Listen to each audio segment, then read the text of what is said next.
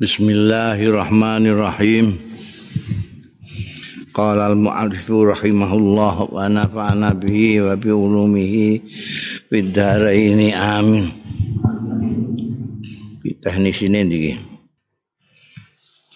Wa qala iku ya. Hmm? Hmm? Akhbarana sapa? Abu Muhammad. Akhbarana Abu Muhammadin Al Hasan ibn Ahmad As Samarqandi. Hmm? Hmm, ora durunge mau.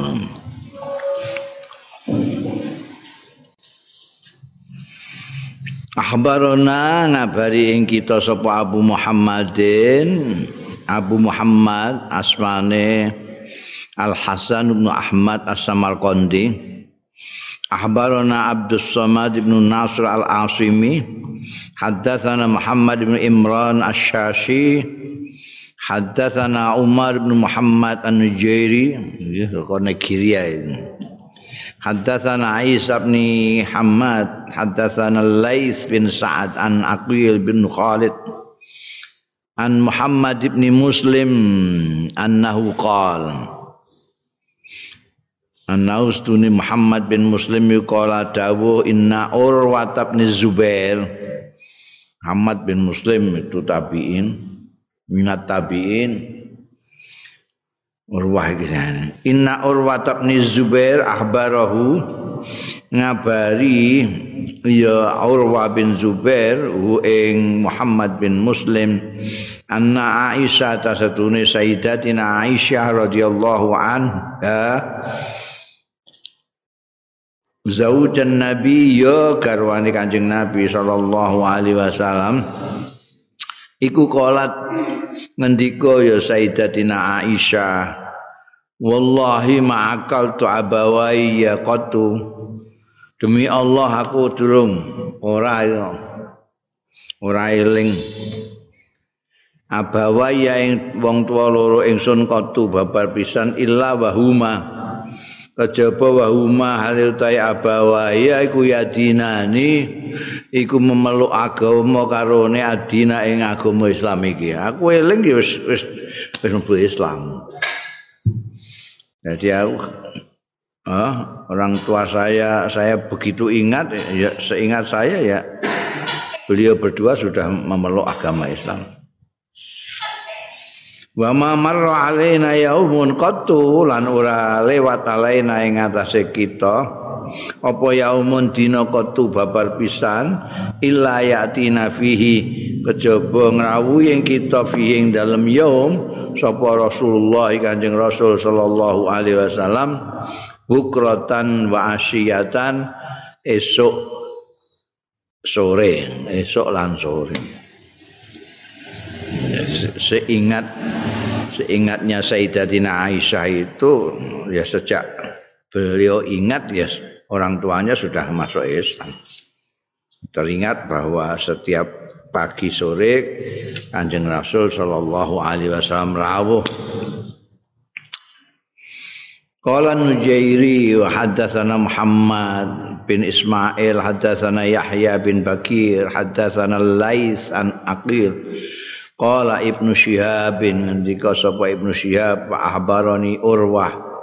Ngabari ing ingsun sapa Urwah bin Zubair ana Aisyah tasune Sayyidatina Aisyah zaujan Nabi yang yaiku garwane Kanjeng Nabi sallallahu alaihi wasallam qala ngendika ya Sayyidatina Aisyah hampir sama dengan hadis yang apa yang di disampaikan oleh Abu Muhammad Al Hasan bin Ahmad tadi di atas. Lam ak ora eling sapa ingsun abawaya ing wong tua loro ingsun katu babar pisan. Illa wahuma kejaba wahuma khalil taya abawaya iku yadinani.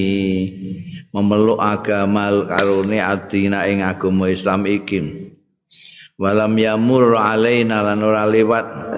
Redaksinya aja yang agak berbeda pengertiannya sama. Balam yamur lan ora lewat alaina ing atase kita. Kita itu keluargane Sayyidina Abu Bakar Siddiq. Yang juga dimasuk diantaranya adalah Sayyidatina Aisyah Jadi putrane kan akeh sahabat Abu Bakar ana Sayyidina Abdullah, Abdurrahman, ana Asma, ana Sayyidatina Aisyah. Balam yamur alaina yaumun illa yatina kejaba ngrawi ing kita fi ing dalem yaum sapa Rasulullah Kanjeng Rasul sallallahu alaihi wasallam tarafayin nahar ing pucuk lorone awan artine bukrotan isuk ya wa asyatan lan sore. Ujung duanya siang itu kan ujung paling awal itu pagi ujung paling akhir sore sampai maghrib itu. Awan itu gitu. Ini sama redaksi ini saja yang beda mau bukrotan wa asyatan yang sekarang torofain nahar bukratan wa asyatan ana tambahane tarafayn nahar falam maqtuliyal muslimuna bareng kecoba dicoba sapa al muslimuna wong-wong Islam disiksa dipiloro dianiaya oleh orang-orang kafir Mekah.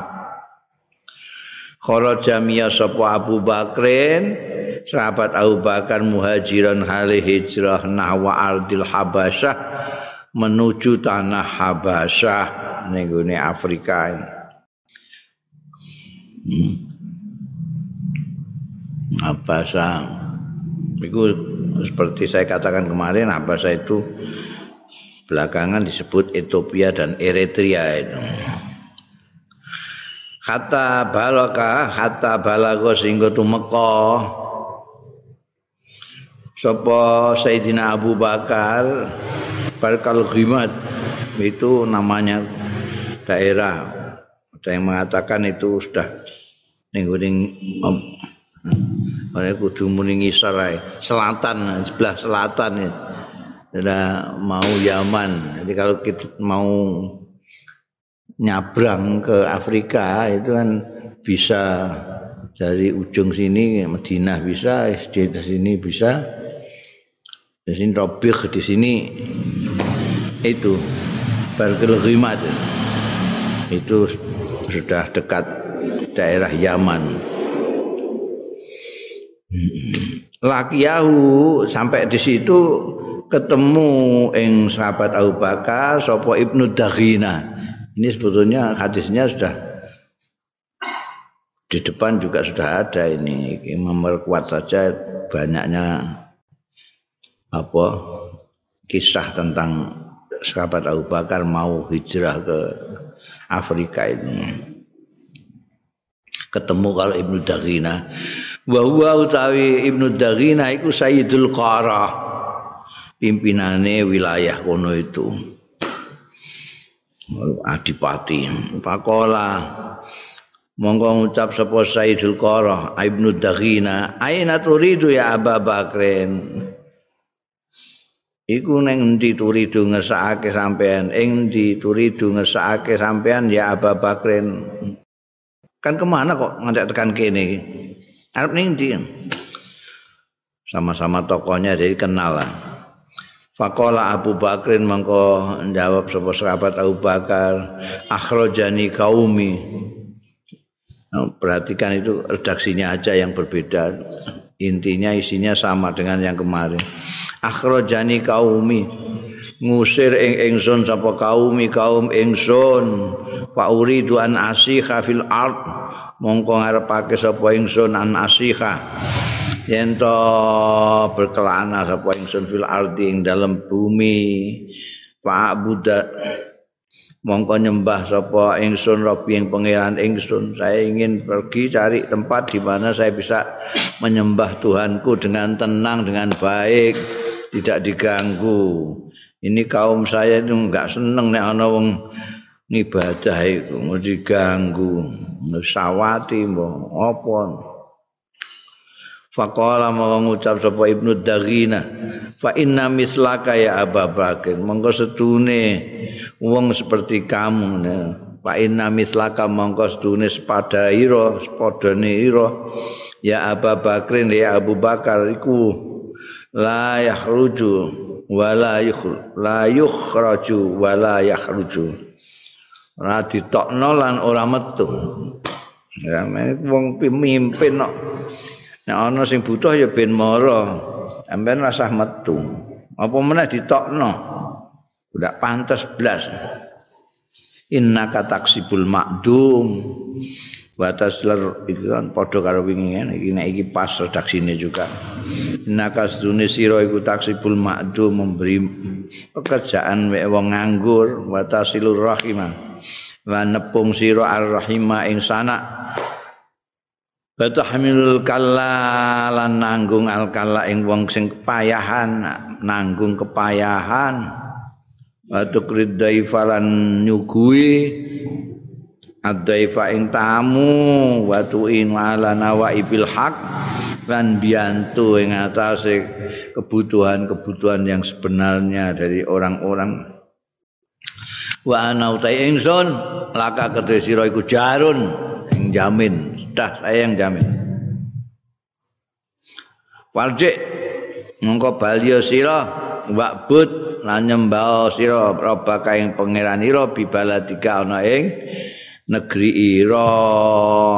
Para jaa mongko kundur sapa sahabat Abu Bakar wartahala ma'ahu lan ya berangkat ma'ahu sartane sahabat Abu Bakar sapa Ibnu Daghina soalnya Ibnu Daghina mau ngumumno bahwa Abu Bakar Siddiq itu dalam jaminan dia.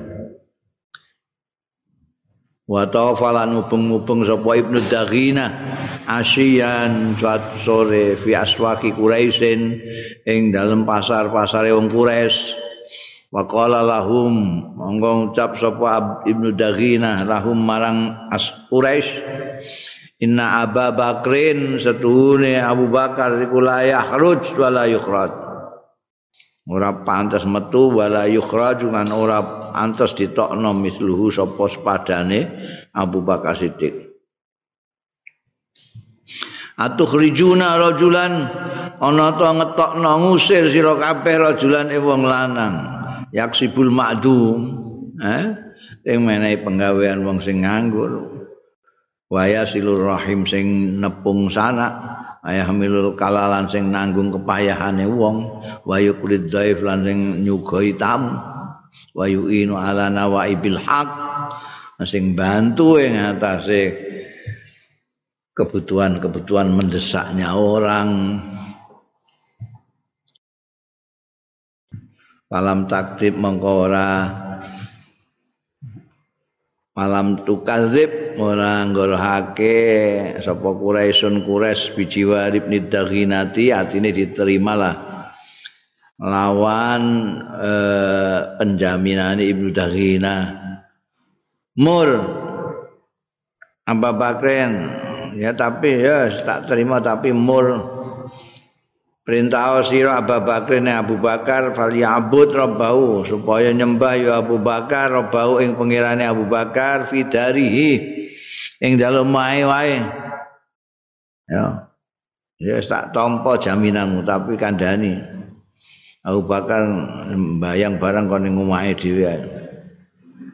Yusalli fiha oh, supaya sembayang sapa Abu Bakar fiha ing dalem dari wa yaqra masya'a lan maca-maca sapa Abu Bakar maing barang sakang karep akae ning omahe dhewe. wala yu'zina lan ora menyakiti. Lara nek krungu maca Quran lara kabeh wong kufar Quraisy. La yu'zina orang larake sapa Abu Bakar nek ing kita bidzalika sebab mengkono-mengkono salate lan macane Quran. Nek ning omahe dhewe itu enggak ganggu kita maksudnya ngono. Wala yasta'alin bihi lan ora ngedengake ngumumake sapa Abu Bakar bi kelawan zalika. Pak Inna mongko sedune kita iku nahsya nguwatirno kita ayaftina abnauna. Ayuftana. Yen to kefitnah sapa abaun abnauna. Anak-anak kita wanisa una lan wadon-wadon kita bisa lati sebab salate Abu Bakar. Nek salat sana anakku terus kepengin niru-niru piye jae bojoku kepengin niru. Nah ini kan ngomah ae ben gak roh. Anak-anakku gak roh bojoku wala yaqra. Supaya ora maca ya Abu Bakar fi ghairi darihi ing dalem liyane omahe Abu Bakar dhewe.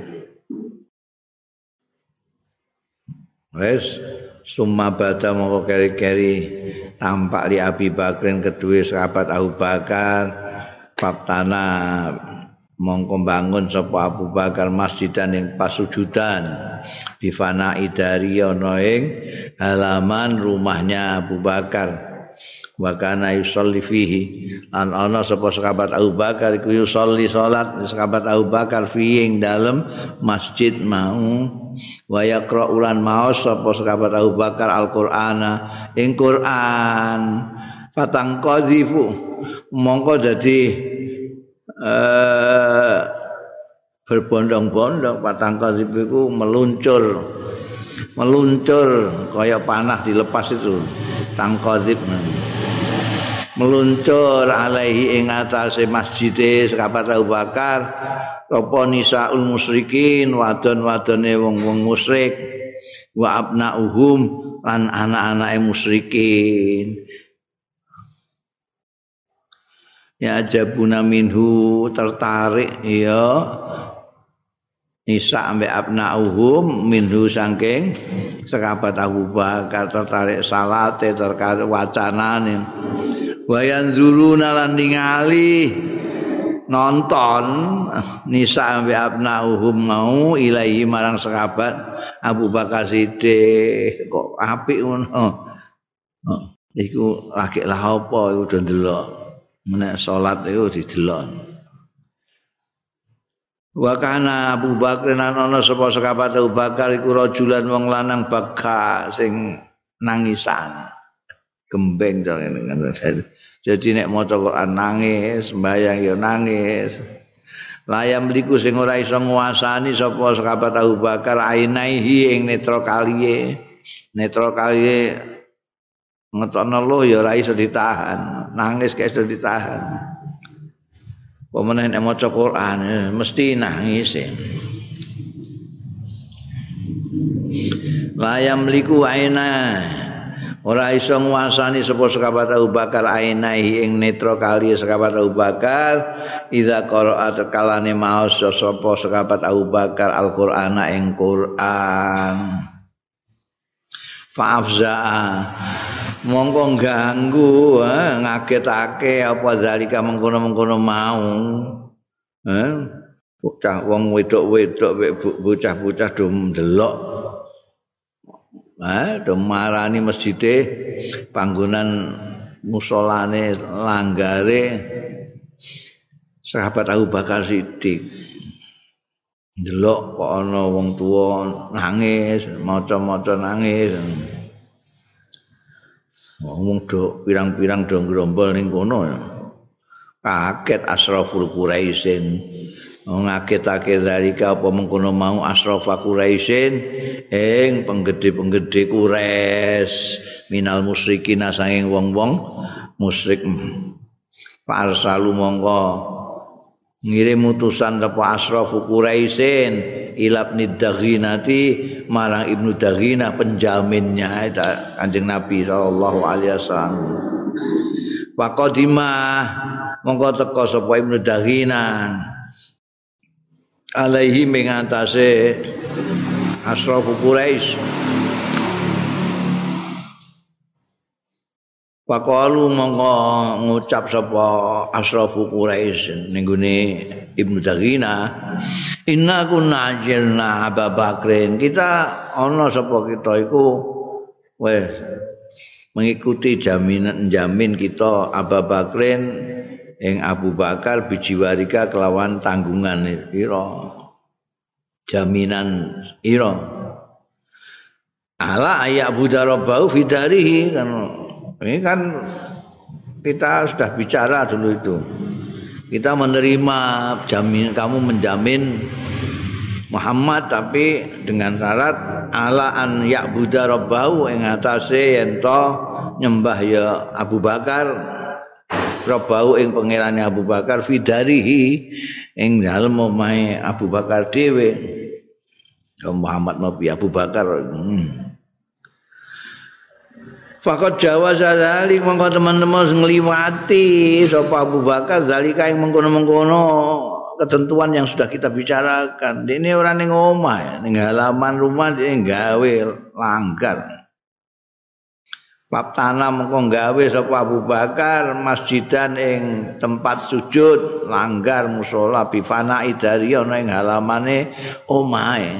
Kan itu nyalai perjanjian. Falana mongko ngedengake sapa Abu Bakar bisolati kelawan salate wal qiraati lan wacanane Quran fiha ing dalem. Omahe mau. Nek fiha ya nek gak ning gone salat ya ning darihi. Ya nek fihi ning gone masjidan Wa inna sedune kita iku kot khosina teman-teman nguatirno kita ayuf tanabna una yen to kepencut engko apa jane kefitnah sapa abna una anak-anak kita wanisa una lan bojo-bojo kita. Fanhahu monggo nglarang sampean sampean kayak jaminan fanhahu monggo nglarang sampean hu ing Abu Bakar. Fa in ahabba ala ayak tasira Mongko lamun demen sapa Abu Bakar ala ayak tasira ing atas ento membatasi diri. Ento nyukupake sapa sekabat Abu Bakar ala ayak Buddha rabbahu ing atas ento nyembah sapa Abu Bakar rabbahu ing pangerane Abu Bakar fidarihi ing dalem omahe Abu Bakar faala mongko nindakno sapa Abu Bakar. Kalau mau dia membatasi diri nyukupake ngibadahi ning omah tok silakan tapi fa in aba mongko lamun ora gelem illa ayulina. Coba yen to ngetokno ya Abu Bakar bidzalika kelawan mengkono-mengkono ibadahe menjobok ning halaman bareng fasalhu mongko njaluk sira ing Abu Bakar ayarudda ilaika? Yen to balekake sapa Abu Bakar ilaika marang sira zimmataka ing jaminanira kon balekno jaminanmu. Nek dene gak gelem tengok-tengok ning omah. Inna mongko sedune kita ikut karihna teman-teman ora seneng kita. Anak fira kayen to nglanggar kita ing sira. Artine nglanggar wis menerima penjaminannya Ibnu Daghina kok tiba-tiba kok dilanggar. Nah, supaya tidak dilanggar ya kandani ini sesuai ketentuan awal supaya di rumah saja ning halaman juga dianggap omah mergo konangan wong akeh kan. Nek ning luar itu. Nek di rumah kan gak ketok wong Falas mongko ora ana kita iki mukirin mengakui kabeh di Abi Bakrin bil istiqlan. Kita tidak pernah mengakui di Abi Bakrin kedua Abu Bakar bil istiqlani kelawan hampir ngedeng. Maunya dia di rumah saja. Qalat Aisyatu dawuh sapa Sayyidatina Aisyah radhiyallahu anha. Fa'ata mongko nekani sapa Ibnu Daghina ila ila Abi Bakrin marang Abu Bakar. Faqala monggo ngucap sapa Ibnu Daghina Qad alimta teman-teman ngerti sira allazi aqatta teman-teman nganakno kontrak kesepakatan kita bi. Kelawan lazilaka marang sira alaihi ing atase lazi kan kamu sudah tahu sendiri apa sih kita itu yang kita sepakati itu apa atas dasar apa dengan ketentuan apa? Pak imma antak tasira ana kalane yen to nyukupake sampean ala zalika ing atas mengkono yang kita sepakati itu. Kamu salat ngibadah baca Quran di rumah saja wa imma lan ana kalane antar ji yen to bali sira ila zimati ila zimati. Utawa yen to balekno sira ilaya marang ingsun zimati ing jaminan ingsun. Mas pilih antara dua ini. Kamu akan tetap di bawah jaminan saya dengan syarat netepi aturan pertama ibadah di rumah saja Nah, ora ya kembalikan itu. fa inni la uhibbu mongko sedune ingsun iku ora demen sapa ingsun. Antas ma'al arab yen to krungu sapa wong arab.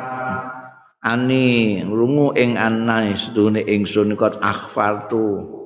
Teman-teman ngrusak nglanggar sapa ingsun firajulin ing dalem wong lanang kot hakat tu lahu sing teman-teman mengadakan perjanjian kontrak perjanjian ingsun lahu marang rajul. Eh ndak ingin orang Arab wah itu tokoh seperti Ibnu Daghinah. Kok ngelanggar kesepakatan menjamin Abu Bakar kok. Makanya ini aja api-api anaten kowe gelem ning omah wae untuk mengibadah apa tarik kembali jaminan saya. Pakola mongko dawuh sapa Abu Bakrin sahabat Abu Bakar. Pak ini mongko sedune ingsun iku arudu balekno ae. Ingsun ilaika marang sira jiwa roka ing jam penjaminan nira wis tak balekno ae. Wa ardolan aku wis puas cukup bijiwarillahi lawan jaminane Gusti Allah. Wan nabi lan kanjeng nabi sallallahu alaihi wasallam. La la iki jumlah itiradiyah bijiwarillah. Iku mah. Udah saya kembalikan aja jaminan wes kono rasa mbok jamin aku. Aku cukup puas bijiwarillah. Wan nabiyyu sallallahu alaihi wasallam yauma idzin ketika itu iku bima kata ana ing Mekah iki jumlah itu dia. Ya Faqala nabiyyu mongko dawuh sapa Kanjeng Nabi sallallahu alaihi wasallam lil muslimina marang wong-wong Islam Inni uritu. Setune ingsun iku diweruhake sapa ingsun artine diimpeni. Uritu diweruhi sapa ingsun daro hijratikum ing perkampungane hijrah ira kabeh. Zata nakhlin. Kang duweni wit kurma. Baina labataini antarane dua desa. Wa huma labataini wa arkharatan dua harrah Wahajaro mongko hijrah sapa man. Hajaro kang hijrah ya man kibalal madinati ke arah Madinah. Waraja'a lan bali sapa ammatuman umume wong kana kang ana ya man. Hajaro wis kadung hijrah ila ardil habasyati maring tanah habasah Bali ila ardil Madinati maring tanah Madinah. Jadi mereka yang sudah terlanjur ke Afrika pun ke Habasah balik mengikuti petunjuk Kanjeng Nabi Muhammad sallallahu alaihi wasallam. Jadi yang ke Madinah dari doning Madinah ke Afrika. Sahabat Abu Bakar sendiri watajah haza dan mempersiapkan sebuah Abu Bakar radhiyallahu anhu kibalal madinati mengarah ke Madinah sudah siap-siap sahabat Abu Bakar mau juga hijrah ke Madinah tidak jadi ke Habasah Faqala mongko lahu marang sahabat Abu Bakar sapa Rasulullah Kanjeng Rasul sallallahu alaihi wasallam ala rislik Jo kesusu ala rislik itu. Alon-alon. Rantai ala rislik. Aja kesusu. Tamban-tamban nae sira. Fa ini arju. Mongko sedune ingsun iku ngarep-ngarep sapa ingsun. Ayu zana yen to diizini sapa li ingsun. Aku menunggu izin. Kowe rasah kesusu berangkat ning Madinah. Aku iki dalam apa menunggu izin dari Allah. Fakola Abu Bakrin mesti dengan senang hati ya Fakola mengkau matur sapa sekabat Abu Bakar radhiyallahu anhu. Wahal tajuzalika bi abi anta. Ana to ngarep ngarepaken panjenengan zalika ing mengkono-mengkono izine Gusti Allah wau bi abi demi bapak kula antai nggih panjenengan Ola dawuh sapa Kanjeng Rasul sallallahu alaihi wasallam, "Na'am, iya." Iya. Fahabasa mongko nahan sapa Abu Bakar Abu Bakar nafsu ing awak dhewe Abu Bakar ngenteni ala Rasulillah ing antase Kanjeng Rasul sallallahu alaihi wasallam lias sahabahu supaya nderekake sapa Abu Bakar ku ing Kanjeng Nabi sallallahu alaihi wasallam. Wa ala falan makani ngrambani. Sapa sahabat Abu Bakar rohilata ini ing unta lorone kanata kang ana ya rohilatain indah ana sandingi Abu Bakar. Dipakani warakus samur. Warakus samur. Warakus samur itu tanaman yang daunnya kecil-kecil sing bergizi untuk kewan menawa nek ning kene ya aku wani maknani kemelandingan. Kemelandingan kemelandingan ini yang nenggone pager-pageran. Itu wedosan seneng pakan itu. Sehat wa huwa. Iku kok hak nontok iku piye nek al nek hak nontok iku ya iku jamae khintah itu ya gandum iku titike sing keliru. Mestine titike iku rada rene sithik dadi kha terus ngisore ana titik eneh dadi khobat wal khobat yaitu tanaman yang daunnya daunnya kecil-kecil asalnya khobat itu dimaknani disebut tanaman khobat karena biasa disenggek. Di sampai orang-orang yang makan itu disenggek. Khobat itu nyenggek. Nah Arab sing dhuwur-dhuwur kan harus disenggek iku samur. Dipangkani sampai arba'ata asyurin patang wulan. Cukup untuk jadi sehat bawa jalan 600 km lebih. Bundel kala Ibnu Syihab itu wis wingi padha ya anwean sing wingi kan. Kala Ibnu Syihabin rawinya aja yang beda. Kala Ibnu Syihabin tahu sapa Ibnu Syihab Kala ngendika sapa Urwah tu Urwah. Anu ini kok Urwah kabeh itu ya. Anu apa jenenge? Sumbere sumbere. Sumbere kok Urwah bin Zubair itu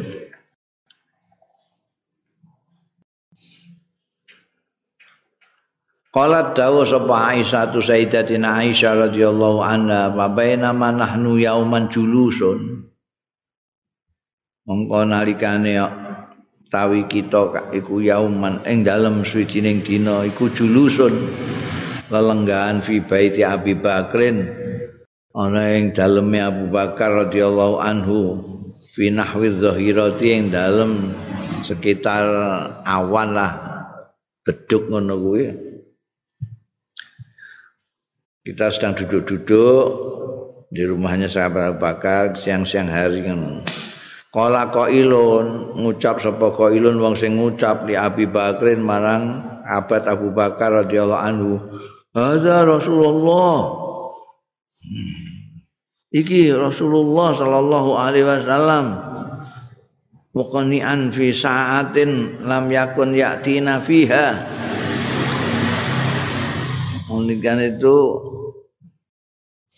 muknian atau muqanni'an menggunakan tutup penutup kerudungan kerudungan. Yang awan panas sih masya Allah.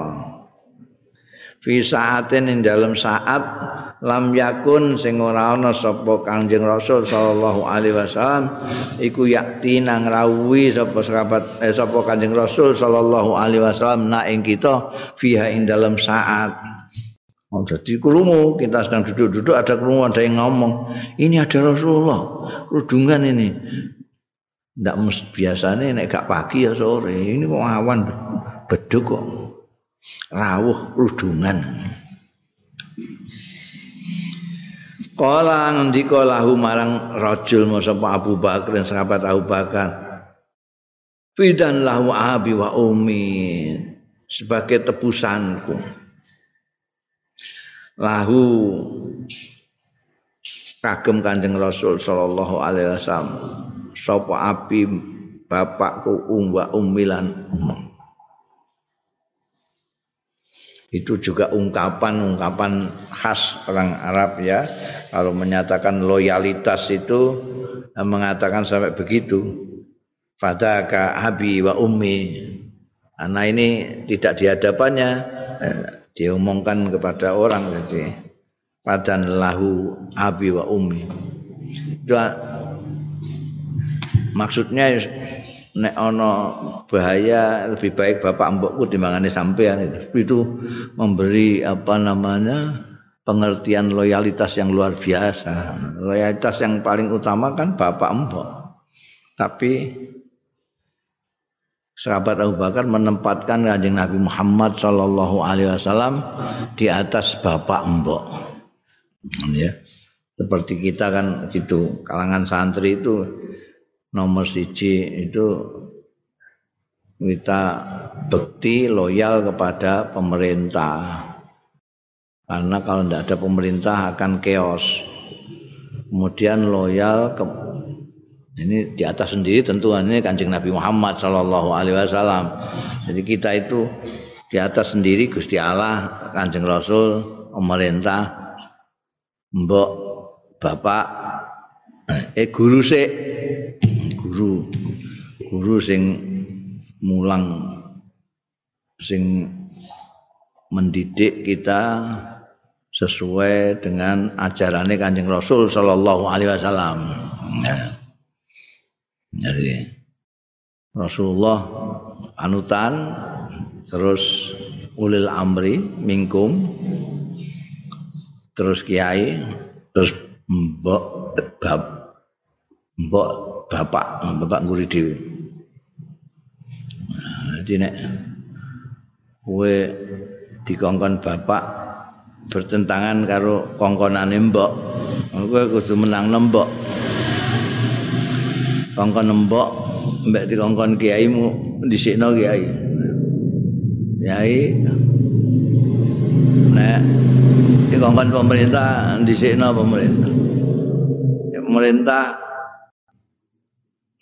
bertentangan bean kanjeng nabi ya melo kanjeng nabi itu urutannya itu.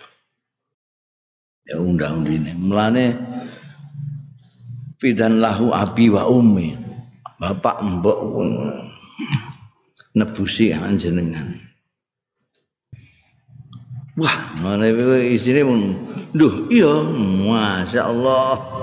Itu ungkapan kegirangan bahagianya sahabat Bakar kerawuan Kanjeng Rasul sallallahu alaihi wasallam tidak pada waktu yang biasanya. Orang orang biasanya kok rawuh.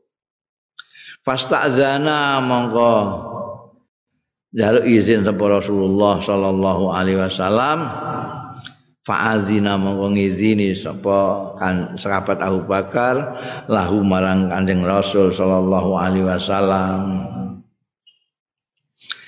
Fatakhala mongko mlebet sapa Kanjeng Rasul sallallahu alaihi wasallam. Faqala mongko dawuh sapa nabi Kanjeng Nabi sallallahu alaihi wasallam li Abi Bakrin maring sahabat Abu Bakar. Ukhruj min indik. Sampean medal metuwa sampean min indika saka sanding ngira kon metu ning jaba Faqala mangko nang Jawi ngono nang Jawa ngono ayo nang jaba ae kowe Faqala mangko matur sapa Abu Bakrin sahabat Abu Bakar radhiyallahu anhu Inamahum ahluka. Lho niki tiang-tiang panjenengan ki kok. innamahum manging pestine hum ta tiang-tiang niki kono Siti Aisyah niku ahluka ahlu jenengan si piyambak bi demi bapak kula anta lan panjenengan ya Rasulullah ya Rasulullah duh Kanjeng Rasul. Bi abi anta wa ummi biasanya anak ummi ya Rasulullah innamahum ahluka. Niki keluarga jenengan sedaya kok. Nonton tiang sana. Karena pada saat itu saat genting kanjeng Nabi Muhammad Shallallahu Alaihi Wasallam itu kalau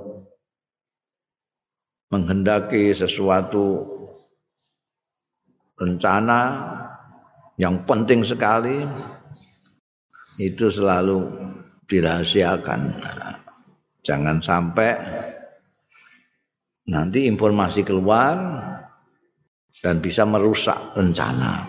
Itu nek arep perang barang itu kan gitu. Informasi-informasi tidak diberitahukan terakhir kepada pasukan. Tujuannya ya supaya tidak ada yang mendengar di kalangan musuh.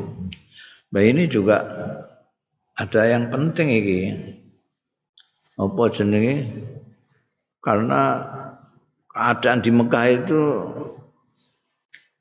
mencekam. Jadi kalau orang itu beriman, wes dalam kondisi yang tidak aman.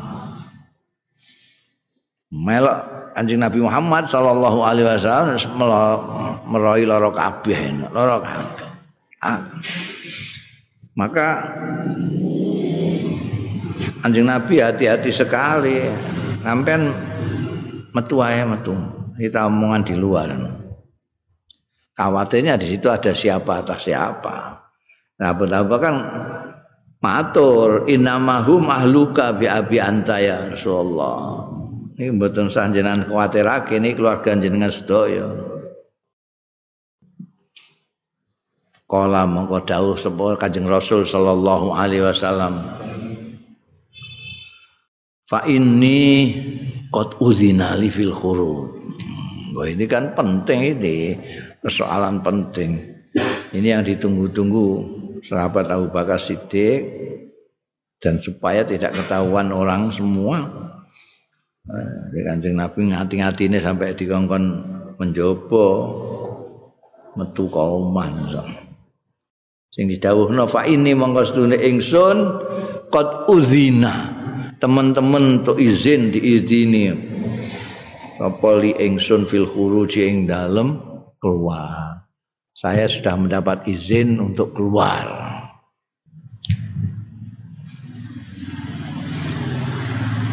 Kala Abu Bakrin matur sapa sahabat Abu Bakar radhiyallahu anhu asruhbah bi abi anta ya Rasulullah. Nembo niki kula nderekake bi abi demi bapak kula antalan panjenengan ya Rasulullah Kala dawuh sapa Rasulullah sallallahu alaihi wasallam, "Na'am iya." Lah kandhane iki ra perlu neko. Kowe engko melok.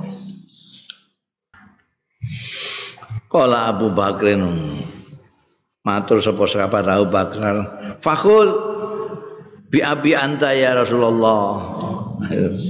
Senengane muni bi abi anta ya Rasulullah. biasanya bi abi anta ba ummi kula aturi mendhet panjenengan ngalapo sira iku waturi mendhet panjenengan bi abi anta ya Rasulullah ikhdara khilataya hatain. Salah setunggale unta kalih kula menika. Niki wonten unta kalih kanjeng Nabi panjenengan pundhut setunggal. Pakola muka dawuh sapa Rasulullah sallallahu alaihi wasallam bisaman ya tak jikuk tapi nganggu rego. Ngono modele Kanjeng Nabi itu enggak mau gratisan ora kaya kowe. Yang mbok goleki gratisan tok ae. Kanjeng Nabi tidak mau. Meskipun dengan sahabatnya sendiri digratis iku mau nek bayar gelem aku. Unta siji mbok nguli sapi unta iku regane. Padahal apa jenenge sahabat Abu Bakar suwenenge ora karo-karuan nek di pundhut Kanjeng Nabi. Kanjeng Nabi tidak mau. Faqalat Aisyah tu mongko ngendika sapa Sayyidatina Aisyah radhiyallahu anha fajahaznahuma mongko nyiapake sapa kita huma kanggo Anjing Rasul sallallahu alaihi wasallam lan Sayyidina Abu Bakar Siddiq akhasal jizazi kelawan cepet-cepetane persiapan. Jadi persiap nyiapno iku ora kok terus lega ngono mendesak waktune. Anjing Nabi mengatakan pada saat yang sudah mepet, pokoknya ketika dapat izin terus langsung diberitahukan berangkat. Lebih cepat lebih baik. Karena ini wis informasi di luaran ini orang-orang ini Wongso Abu Jahal CS itu wis nginting-nginting. Oh iki iku kok sudah mangkat iki Muhammad ini kapan mangkatnya? No, mesti mangkat di Wah, Kan khawatir nek ditunda-tunda. Jadi ketika keluarga sahabat Abu Bakar ini di antaranya Siti Aisyah menyiapkan keberangkatan kedua tokoh ini ya cepat-cepatan akad sal jizas itu. Ora iso leluasa kayak nek normal. Mu ana sing ketinggalan barang mbuh ngono asal cepet-cepetan tuh mempersiapkan ini. Wa sana'na lahum sufratan. Lan gawe kita lahuma kanggo sahabat Abu Bakar lan Kanjeng Rasul sallallahu alaihi wasallam sufratan ing bontot nek cara Jawa kene bontot. Bontot itu bekal makanan untuk di perjalanan. Bekal. Fijirobin yang dalam wadah kulit. Nah, saiki dimaknani rangsel ya, rangsel tapi rangsel sing kulit. Mergo jirap itu asline saka kulit kambing itu. Yang disamak terus tinggu wadah. Bekalnya ditaruh situ.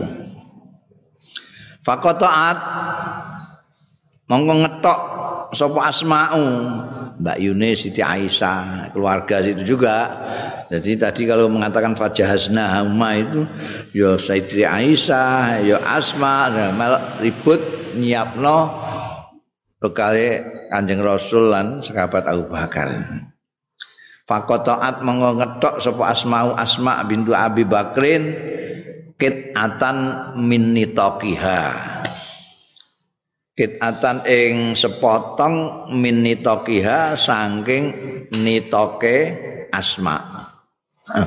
Ya kiai kuno nek mana nih nitok itu udet. Udet itu bengkung. Eh sebetulnya masa nih Arab malah bengkungan enggak bengkungan. Bengkungan orang Jawa. Eh udetan orang Jawa. Tapi seperti udet. Ada yang mengatakan jadi orang anu itu perempuan Arab itu di sini ada kain lebar itu terus di atasnya baru ditalain ada seperti sabuk. Ada yang mengatakan yang jenenge apa namanya nitok itu yang di atasnya. Ada yang mengatakan seluruhnya. Mana gampangannya ya? Udet itu udet. Mung fungsine ya seperti itu. Untuk perempuan itu naleni anu itu. Saiki mrane wong wedok wetenge gendut-gendut tak mergo gak tau ditaleni. Biar biar langsing-langsing. Mergo di itu dikei udet Asma juga pakai itu waktu itu diketok jadi loro diket dipotong Maksudnya apa kok dipotong diketokno konoan iku? Soalnya durung enek rafia. Durung enek rafia. Jadi diketokno bengkunge. Farabatot mongko naleni sapa Asma binti Abi Bakrin bihi kelawan nitok ini potong mau ala famil jirab ing atase cangkeme jirab. Jirab iku mau Jadi Kowe gak cangkem iki piye? Wedhus. Wong Arab itu nek nyembelih wedhus ora kaya ning kene dibedeti, dicancang mendhuwur terus dibedeti. Ku nek saiki kowe ning Arab ana sing bedeti kaya model kene iku niru kene. Nek asline ora ngono. Dadi asline iku nek bar disembelih tualeni kabeh. Bagian sikil kene taleni, kene taleni. pikir ngarep ditaleni gulu taleni dipompo nek nalika ana pompa mbiyen disebul ngono ae bul sebul melendung terus ditutuk itu tuk tuk tuk digebuki buk buk buk. Coplok. Antarane kulit sampean daging itu disebul melendung diwantemi. Wis terus disuweret trut niku terus melompong sing metu wedhuse ambekan daginge iku kulite tetep ngelongkong ngono. Nah kulit iki engko terus sing kene ditaleni kene taleni kene taleni. Karek gulune tipak gulu iki sing famul jirab iku. Iku dadi cangkeme iku kene iki. Sing kene mati ditaleni mati ki sikil papat iki. Kowe nek kepengin anu kok nek nggone nek ning nggone Mekah utawa ning Madinah mbok menawa saya enak iku ning nggone toko lowak-lowak iku. Wah nek ora ya ning museum ono dadi kaya wedhus tapi kulit tok ngono iku jirop kadang dinggo banyu kadang dinggo makanan Lalu kene iki sing nggon gulu iki jenenge famul jirab. Iki taleni. Nek kok tatene kan mecorot kabeh nggo gawanan iku. Iku ditaleni. Ya nalika iku durung enek rafia. Diketokno udet iki. Tokno. Karena apa? iku akhasul jihad karena cepet-cepetan iki. Mempersiapkannya cepet-cepetan. Menggolek tali barang kesuwen. Terus iki ae ketok terus gue ngaleni famul jirab. Mulutnya jirab ini. Palidzalika krana arah iki sumiat dikenal sapa Asma binti Abu Bakrin diarani zatan nitaqain Dadi julukane janji ana ning sejarah disebut Sayyidah Zatun Niqat. Nah, Zatun Nitaqain atau Zatun Niqat itu maksud nitok itu maksudnya Sayyidatina Asma binti Abi Bakrin karena dia memotong nitoknya menjadi dua. Jadi dua untuk naleni jirob. Ya. Umalahika Rasulullah qalat andika sapa Siti Aisyah ini yang yang juru bicara yang cerita ya, semua ini adalah eh, pelaku sejarah juga Siti Aisyah sendiri karena itu di rumah sahabat Abu Bakar Siddiq jadi tahu persis mulai dari awal kanjeng Nabi Muhammad Shallallahu Alaihi Wasallam memberitahukan sahabat Abu Bakar bahwa sudah datang izin dari Allah Subhanahu Wa Taala sampai kemudian apa sebenarnya mempersiapkan semua itu Siti Aisyah yang Qalat ngendika Siti Aisyah, "Sumalahi Rasulullah. Mongko keri-keri. Lahika Rasulullah menuju sapa Rasulullah sallallahu alaihi wasallam? Nututi asal maknane lahika itu. Karena apa? Karena menujunya itu dengan cepat. Dengan cepat. Datang ke gua Hiro itu cepat-cepatan semuanya serba cepat. Persiapannya juga cepat. Anjing Nabi juga lahiko manggung istilah lahik koyok ngejar gitu nututi sapa Rasulullah sallallahu alaihi wasallam wa Abu Bakrin lan sahabat Abu Bakar radhiyallahu anhu bi kelawan guwa fi Jabal Surin ing dalem Gunung Sur. Karena guanya itu terletak di Gunung Sur, maka terkenalnya Gua Sur. Sebetulnya yang namanya Sur itu gunungnya. Fakamina fi, fakamina fi, mongko delik sapa Rasulullah sallallahu alaihi wasallam dan Abu Bakar Siddiq radhiyallahu anhu salah salayalin telu pira-pira bengi. Tiga malam itu nginep di gua. Ya bitu nginep bihi kelawan ghar sapa Abdullah bin Abi Bakrin putrane saki yang laki-laki. Jadi putranya putri dua Asma ambek Siti Aisyah yang persiapkan kemudian Abdullah bin Abi Bakar ini nginep di gua itu tiap malam. Wa huwa utai Abdullah bin Abi Bakar niku gulamun syabun. Itu anak yang pemuda yang masih muda. Gulamun bocah, syabun sing isih nom, sakifun sing pinter, lakinun tercerdas. Fayud liju mongko menyelimat menyelinap malam.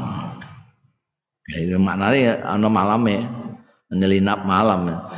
Nek awan-awan ya metu ngono Ini malam. Ditulis itu keluar malam. Menyelinap bahasa Indonesia ini biasa malam-malam min indihima saka ngarsane Kanjeng Rasul sallallahu alaihi wasallam lan sahabat Abu Bakar. bisa hari ana ing wektu sahur Payus bihu ma'a Quraisyin bi Makkah mongko isu-isuan sapa Abdullah ma'a Quraisyin satane wong Quraisy bi Makkah ana ing Mekah kabaitin kaya wong sing nginep. Maksudnya ini cerdas sekali Abdullah bin Abi Bakar ini setiap malam datang ke Gua Sur itu. membawa apa tak apa berita apa apa makanan apa apa datang malam-malam untuk ngancani anjing Rasul Shallallahu Alaihi Wasallam lan sahabat Abu Bakar Siddiq. Tapi nanti menjelang subuh itu waktu sahur itu dia balik balik di Mekah. Jadi kalau nak uang nanti eh neng kene ya jadi seolah-olah dia memang tidurnya di Mekah. Padahal semalaman itu dia jadi nginep neng gini sur. Itu pinternya gitu. Jadi sebelum pagi sebelum subuh beliau sudah turun ke ke Mekah. Padahal itu ya Mekah sur itu enam kilo nana ya cepat-cepat datang sehingga nanti pagi-pagi dia sudah di Mekah. Jadi tidak ada yang mengira dia itu di dari mana. Ya, ya seluruh Mekah ngono ae. Kabaitin ini. Fala yasma'u ora sapa Abdullah bin Abi Bakrin amron ing perkara yukadani bihi sing direkayasa akan di rekayasa ya Kanjeng Rasul sallallahu alaihi wasallam nam sahabat Abu Bakar bi kelawan Amron illa wa'ahu. Kejaba ngatekno sapa Abdullah bin Abi Bakrin hu ing Amron hatta ya tiyahuma sehingga nekani sapa Abdullah bin Abi Bakar ing Kanjeng Rasul sallallahu alaihi wasallam lan sahabat Abu Bakar bi khabari dzalika kelan beritane mengkono-mengkono. Amran mau. Khina yahtalitu zalam nalikane uh, mencampur apa azolamu gelap malam. Jadi ini sesiang itu mulai subuh itu dia di Mekah.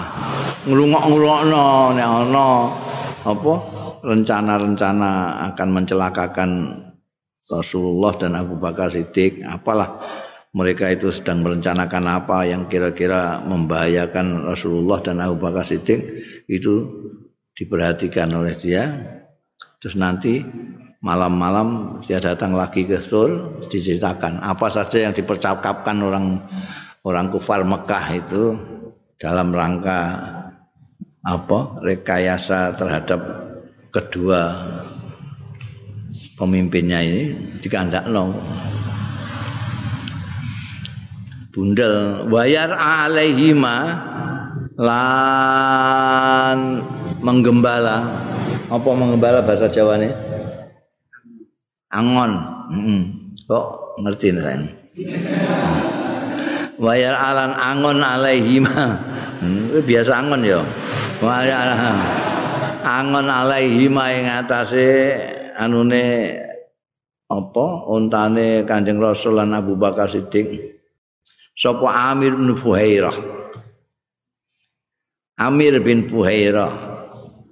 Siapa Amir bin Fuhairah? Maula Abi Bakrin. Maula Abi wis tau tak kandakno nek Maula itu julukan antara majikan dan budak. Kalau majikan ini memerdekakan budak, maka budaknya disebut maulanya majikan, majikan disebut maulanya budak ini. Jadi maula itu julukan timbal balik. Dan kamu ingat sahabat Abu Bakar ini banyak memerdekakan budak, termasuk Bilal segala macamnya. Maka beliau banyak punya maula. Termasuk di antaranya Amir bin Fuhairah ini. Ini adalah orang yang pernah dimerdekakan oleh sahabat Abu Bakar Siddiq. Wayar alaihima min had uh, Maula Abi Bakrin radhiyallahu min hatan min ghonamin min had itu ya kambing min ghonamin saking gerombolane kambing-kambing. Kalau ghonam itu banyak kalau kamu mengatakan ghonam itu artinya akeh, medus pirang-pirang. Ini min itu medus fayurihuha alaihima hatta yadhaba sa'atun minal isya mongko eh ngedi ngrambanke sapa Amir bin Fuaira ha ing minhah mau alaihima kanggo Kanjeng Rasul lan Abu Bakar Siddiq hatta yadhaba sa'ah sehingga ilang apa? Saatun minal isya sesaat minal isya saking isya. Faya bidani firislin firisli min hatihima. Jadi wedus itu ambean apa? Amir bin Fuhaira itu dingon ning sekitar Gunung Sur gitu itu kambing-kambingnya itu ada yang minha itu kambing Nah, kene sing biasa itu ana sapi susu itu sing blontang-blontang putih hitam. Tapi kalau wedus ini apa wedus apa sing iku sing minha iku wedus sing persusuan itu. Niki niki jenenge apa wedus sing dialap susune itu. Ndak disembelih.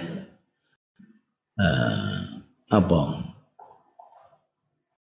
Enggak tahu. Enggak tahu angon wedus. uh, wedhus gembel padha hmm, itu yang sing di dipoh-pohane tok dialap pohane iku minha nah fairihu wa alaihima untuk Anjing Rasul sallallahu alaihi wasallam lan sahabat Abu Bakar. Sehingga hilang apa saatun minal isya. Satu saat minal isya saking isya faya bitani mengko nginep sapa Anjing Rasul sallallahu alaihi wasallam dan Abu Bakar.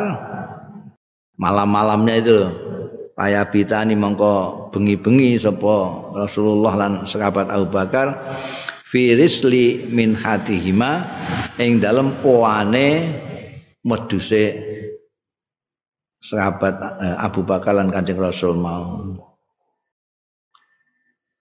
Waradi fihima ini juga puan puan tapi puan sing hangat. Puan nek iku mau puan murni lah. Risl itu puan asli jadi berarti poh konggone wedhuse itu itu risl. Kalau radif ini nek cara kene wis godokan, tapi ning kono ora digodhog. Dipanaskan saja dengan matahari. Warna panasnya luar biasa.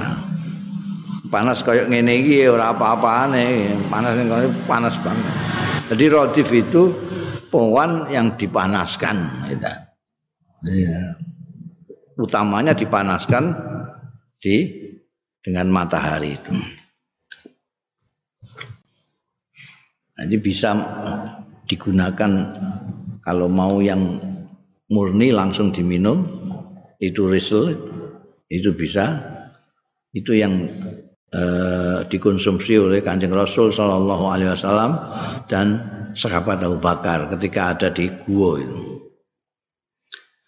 Hatta yan iqabihima sigo gembori sapa Amir bin Fuhairah bihima. La iki ana ana faile zahir. Hatta yan iqabihima sapa Amir bin Fuhairah bi khalas. Kok iso bihima itu piye? Wong niku minhah ngunam. Presiden itu puane. Iki kon di kok ana loro iki ndi. Sing dhuwur iki mau yakti hima itu iku Kanjeng Rasul karo sahabat Abu Bakar Siddiq. Lah ning kene ya dinggo terus ae kok huma-huma terus ini. Nah iki saya jadi mbok maknane firis limin hatihima bisa bisa mbok maknane Kanjeng Rasul sallallahu alaihi wasallam mbek sahabat Abu Abu Bakar Siddiq. Wa radihima ya isa isa mbok maknane humane iki Kanjeng Rasul sallallahu alaihi wasallam lan sahabat Abu Bakar Siddiq. Tapi kata yang iko bihima biholasin itu terus piye? Aku rada curiga mergo beberapa kali salah cetak iku ambek ambek naskah iki dadi rada curiga. Tapi sementara ya tetap bima sing ning kene rujukane mau Kanjeng Rasul sallallahu alaihi wasallam bean sahabat Abu Hurairah. Tapi yang iko itu gembori gembori kewan-kewan sing dingon niku kok. Jadi cangon-cangon, woi, ngono. Oh. Piye nek kowe angon iku nek ngomongi ngomongi wedhus iku piye? Iku ngono iku. Apa jenenge iku? Ya gembengoke, bengoke ya iku. Tapi kok ana bihima itu enggak cocok. Ya naika bihima Amir bin Fuhairah bi khalasin ana yang metu gelap. Jadi kayak sudah mulai tengono kae ndek gembor-gembor. Jadi untuk memberi kesan bahwa dia itu kambing apa jenenge kambing ngon-ngonan itu ada sing apa jenenge dhewe ngono kae lho. aku gak biasa angon jadi rada repot nang gambarno. eh, jadi angon iku ana sing pedus mbok siji mbok loro iku ndlewer dhewe ngono. Ora kumpul. Iku terus digembori, iku yan ek itu. Iku piye sing piye? Ya jembe-jembe gak ora tau ora. Eh, eh, eh, ngono. gusah. Nek gusah kan rono. Nek gusah iku yen nek mbok amanane gusah iku rono. Iki di oyak di oyak kon rene. Jadi wis ngadepno suro gembor-gembor rene. Yan iku. Mestine kayak bihima sing ning gone sakwise yan iku iki kayak kluwengan pinggirit kayak tondo tulisi la ala sawab biha ano ya la ala sawab ben rada sopan sithik nek muni sing keliru ngono gak gak sopan dadi. La ala sawab. Mbok menawa iki sing bener yan iku biha. Rujuke ning minha itu ya. Dia gembori minha itu. Eh eh eh kan diku ning padahal ning kono pancen sengaja. Sengaja digo ning kono dipoh kanggo Kanjeng Nabi karo sahabat Abu Bakar Siddiq. Tapi gayane niku kaya-kaya lagi ngluyur dhewe padahal sing nggawa rono ya ndekne kok. Sing nggawa rono iku ndekne. Tapi dhek pura-purake nututi wedhuse sing mau sing dipoh iku mau. Yaf'alu dzalika kulalailatin nindakake sapa Amir bin Fuhairah dzalika yang mengkono mau kulalailatin ing dalam setiap malam mintil kalayali salas saking mengkono-mengkono bengi sing telu mau kan disebutkan oleh Siti Aisyah di awal bahwa Kanjeng Rasul Shallallahu alaihi wasallam dan sahabat Abu Bakar Siddiq itu menginap di Gua Sur itu tiga malam. Itu setiap malam Amir bin Fuhairah membawa kambing perah ini tadi untuk minum Kanjeng Rasul dan sahabat Abu Bakar setiap malam.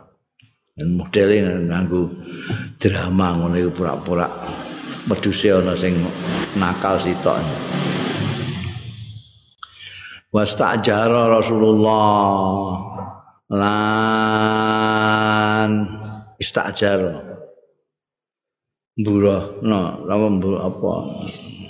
Nyewa sapa Rasulullah sallallahu alaihi wasallam Abu Bakar lan sahabat Abu Bakar rajulan ing seseorang min Bani Dzil saking Bani Dzil wa huwa min Bani Abdin bin Adi. Wa huwa utai rajul iku min Bani Abdin ni Adiyin. Ya. Ana sing apa? Bani Dil nganggo ya nganggo zil nganggo hamzah itu, termasuk jadi bani-bani itu kan banyak ini bani Hasim itu termasuk bani mana bani mana karena nek wis putra-putrane wis akeh iki bani dhewe nah wis anak putu iki bani Bani Hashim. Dhuwure anak-anak sing luwih dhuwur nek. Dhuwur meneh ngantek tekan Adnan. Iki juga gitu. Nah, Bani Del iki dhuwure ana Bani Abdi. Bani Abdi bin Adiyin. Eh, eh, disewa untuk apa?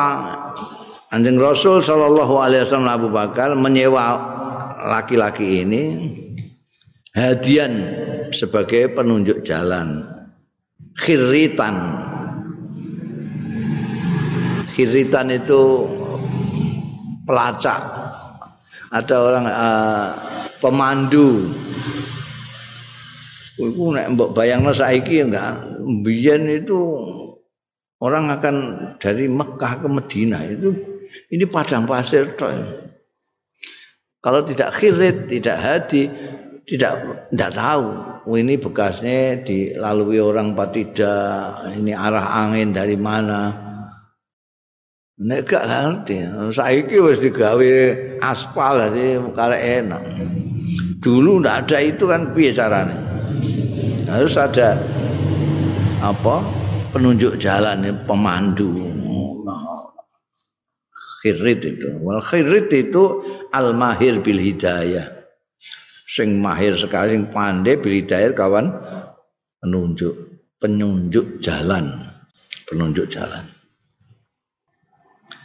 qad ghamasa teman-teman wis terikat terikat. Iya rajul iki mau khalafan ing sumpah min alil as saking keluarga al as bin wa'il as-sahmi. Jadi bahwa ali utai rajul iku ala dini kufarin kufari Quraisy. Wa huwa utai rajul iku ala dini kufari Quraisy isih uh,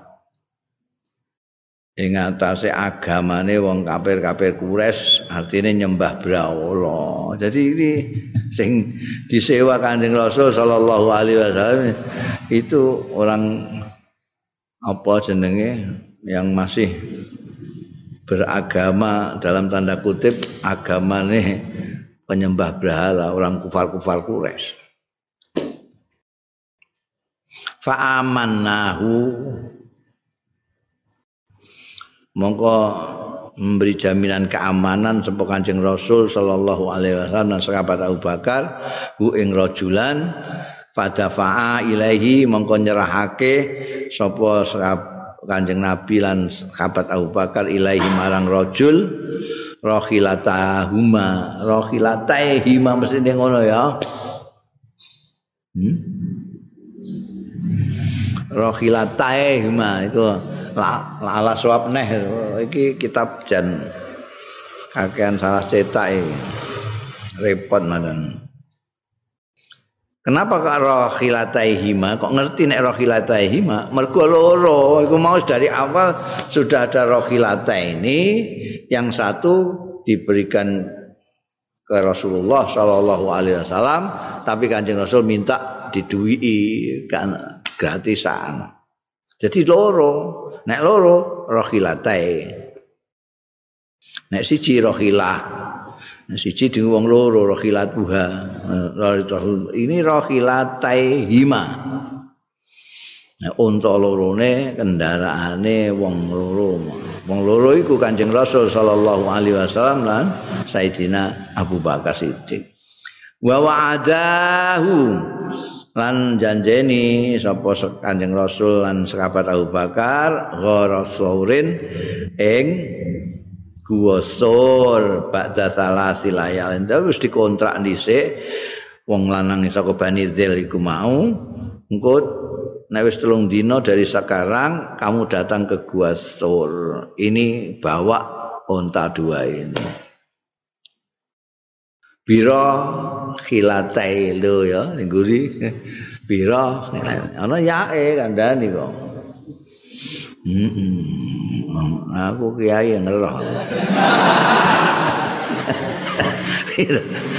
Piro kal piro kilatai hima iki sing bener.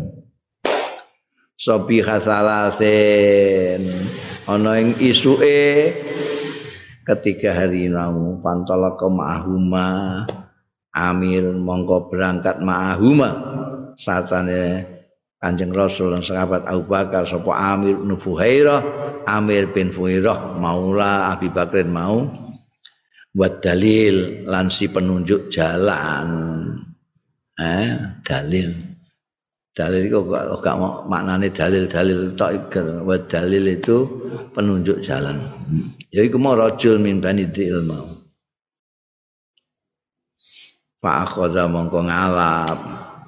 Sapa dalil? Bihim bihim kelawan sahabat Abu Bakar Kanjeng Rasul sallallahu alaihi wasallam bin Amir bin Fuairah tariqas sahil ing dalan kisik dalan pantai. Eh? Dalan pantai itu orang kayaknya kalau dari Mekah mau ke Madinah itu bisa jalan pantai bisa jalan pantai karena gue dari Mekah gue terus neng Robir Robin Saiki juga ada dua jalan gitu. Kamu kalau gue kowe nek umroh atau kaji, kamu kelewat yang pantai ini, lewat Toriko Sahil, gue iku ning kene warung iwak pirang-pirang itu, eh? Masuk kaya gesekan barang ngono kuwi ke pinggir pantai. Bunda qala Ibnu Syihab wallahu alam